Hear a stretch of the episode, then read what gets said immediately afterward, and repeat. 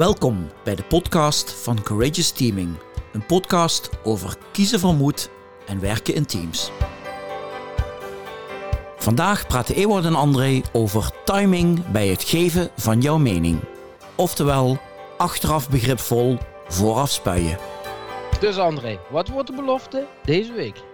Ik uh, denk dat ik jou een beetje ga verrassen, Ewout. Maar we gaan kijken of we erop uitkomen. Ik heb opgeschreven voor mezelf waarom je er soms wat meer op mag vertrouwen dat de ander het juiste heeft gedaan in de samenwerking. Tof.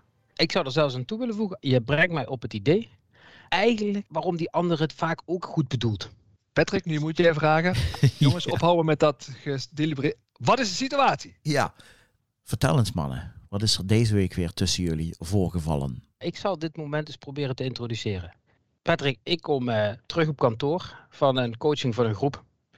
En, uh, nou, de, luisteraars weten ondertussen wel dat ik uit een sportverleden heb. Voor mij is een coaching eigenlijk als een soort voorbereiding op een wedstrijd. En dat, dat is dan de wedstrijd. En dan kom je terug van de wedstrijd. Die metafoor zal vast niet voor iedereen werken, maar zo, zo, voelt dat dan. Dus ik kom terug op kantoor. En ik kom met het gevoel terug op kantoor. Dat heb ik voor een acht gedaan. Hartstikke goed, spannend gesprek, kern geraakt, die groep tot inzicht gekomen, met elkaar keuzes gemaakt. Ja, over sommige van die keuzes had ik ook wel mijn twijfels, maar uiteindelijk het waren hun keuzes en ze waren het over eens en dan gingen ze mee aan de slag. Nou, met dat gevoel kom ik op kantoor en dan ontmoet ik André. En doe de André. Ik begin dat zo langzaam af te pellen.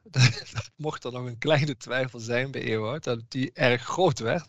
En uh, ja, in alle goede bedoelingen, ik uh, zit eigenlijk vooral te zoeken van, ja, was dit wel het goede eigenlijk? Van, ik heb daar twijfels over en uh, daar begin ik eigenlijk alle vragen over te stellen en ook advies over te geven. En wat gebeurt er dan met jou, Ewout, in jouw hoofd? Nou, ik vind eigenlijk de kern van wat er bij mij gebeurt, en dat heb, heb ik al eens ergens gelezen, dat vond ik super interessant. En dus als de ander je dat soort vragen gaat stellen, die gaat eigenlijk twijfelen, je dat gevoel geven, heb je het wel goed gedaan en was het wel het juiste? Dat ik op een bepaald moment denk, eigenlijk, eh, of hij is dom, of hij heeft het slecht voor me. Nou, in mijn geval is beide correct. en dat is natuurlijk dat is natuurlijk super grappig als je dat bij jezelf constateert. Hè? Dat, dat dat gevoel zich meester maakt over je. Hè? Dat je ik, ik kon alleen maar denken, ja André, je, je gaat me nou allemaal vragen stellen. Tuurlijk heb ik die vragen gesteld aan de voorkant. En natuurlijk heb ik het met die groep over, over, dat punt gehad. En ja, daar hebben ze een keuze genomen. Dat was hun keuze. Wie ben jij om dat in twijfel te trekken? Je was er niet eens bij. Weet je, je gaat nu een soort, eigenlijk een soort mening opleggen. Van heb je dat wel goed gedaan? Voor een bijeenkomst waar je niet bij was. Waar je niks van gezien hebt. Dus, dus het enige wat ik merk aan mezelf, ik sta daar helemaal niet meer voor open. Ik sta niet open voor zijn suggesties, ik sta niet open voor zijn vragen. En, en langzaam loopt dat gevoel weg van, ik, van een 8 naar, maar ja, heb ik dat dan voor een 5 gedaan? Weet je? Dus ik krijg er ook nog een slecht gevoel van. Zie jij André dat dan aan Ewoud, ja, aan zijn gezichtsuitdrukking? Of... Ja, zeker, zeker. En tegelijkertijd uh, uh, kon ik het ook niet meer stoppen. Dus ik kon echt te twijfelen. En uh, ik denk, ja, is het niet een symptoombestrijding? En hebben, hebben jullie de echte kern geraakt, et cetera? Dat waren gedachten. En natuurlijk is dat uit goede, goede intenties. Maar het, het helpt natuurlijk helemaal niet. Het belangrijkste is, denk ik, wat Eeuwert zei. Ik, weet je, ik was er niet bij. Dus ik heb het niet geproefd, ik heb het niet geroken, ik, ik hoor alleen maar de korte, uh, rationele versie. En uh, dan is dat gewoon niet handig. En het liet mij ook een beetje denken toen ik veel reisde en veel in China zaken deed. Vanuit mijn kantoor hadden we met mijn collega's een prima strategie. Maar als ik in China was, ging ik hele andere dingen doen. Ik ging andere dingen doen dan we bedacht hadden thuis. En dat voelde voor mij goed, want ik was daar toen. Maar als ik dan thuis kwam en ik moest het uitleggen, kreeg ik het gewoon niet uitgelegd. Zeg maar, zat ik op de stoel van Ewoud en kreeg ik al die vragen van die anderen. En hier moest ik aan terugdenken, toen die situatie tussen Ewoud en mij zich voordeed. Maar dan wil ik eigenlijk die luisteraars even een dag verder meenemen. Want voor mij ontstond daar echt het hoogtepunt. Het was de dag daarna, Patrick, ging ik weer in dit geval naar een kleine groep in mijn eentje naar een coaching toe. Naar, met de groep aan de slag. En op weg daar naartoe belde ik André op. En ik vertelde hem een beetje, oké, dit, is, uh, dit is het vraagstuk, dit is de groep, uh, et cetera. Heb je nog suggesties? En ik krijg eigenlijk, doet André precies hetzelfde. Ik ben tenminste consistent. Hè? Daar kan niemand mij van betekenen. Dus hij geeft allerlei goed bedoelde adviezen en suggesties. Zegt, goh, heb je hier al over nagedacht? Goh, dit komt bij me op. En ik merk op een bepaald moment mezelf dat ik daar helemaal voor open sta. Weet je, oh, dankjewel. Ja, goed idee. Oh, wacht, dat kan ik zo gebruiken, dat kan ik zo gebruiken. Tot het moment dat ik, hey, zei ik tegen anderen, dat is een interessant iets. Jij doet precies hetzelfde.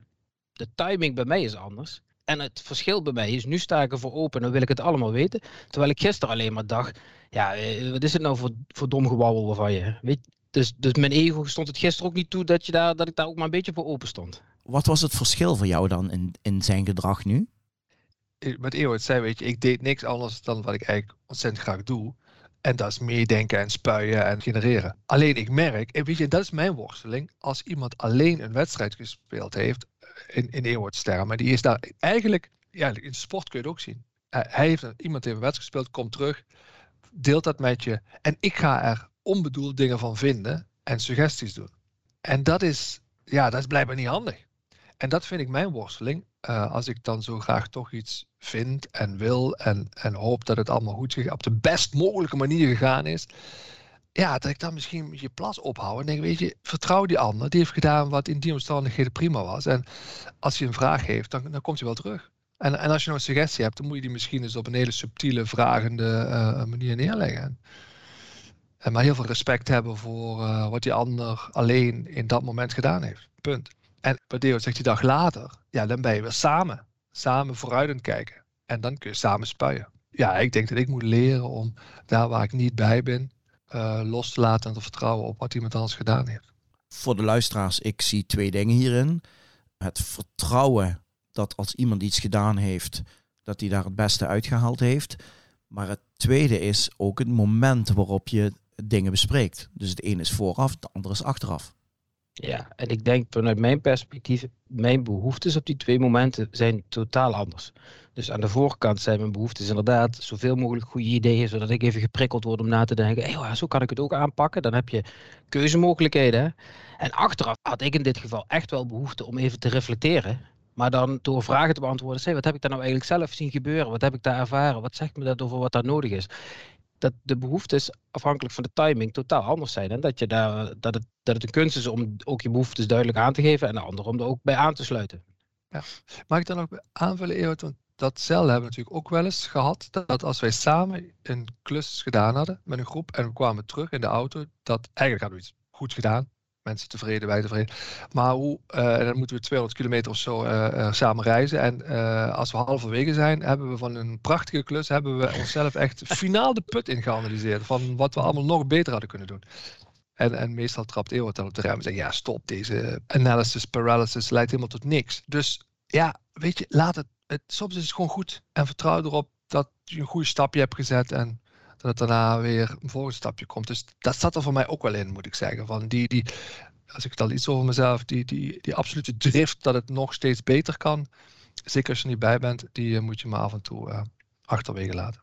Ik denk plotseling ook aan uh, dingen zoals nu het, het EK staat op het punt van beginnen. Als Frank de Boer weer eens feedback krijgt van analisten op de televisie, dat die dingen toch echt op een verkeerde manier gedaan heeft.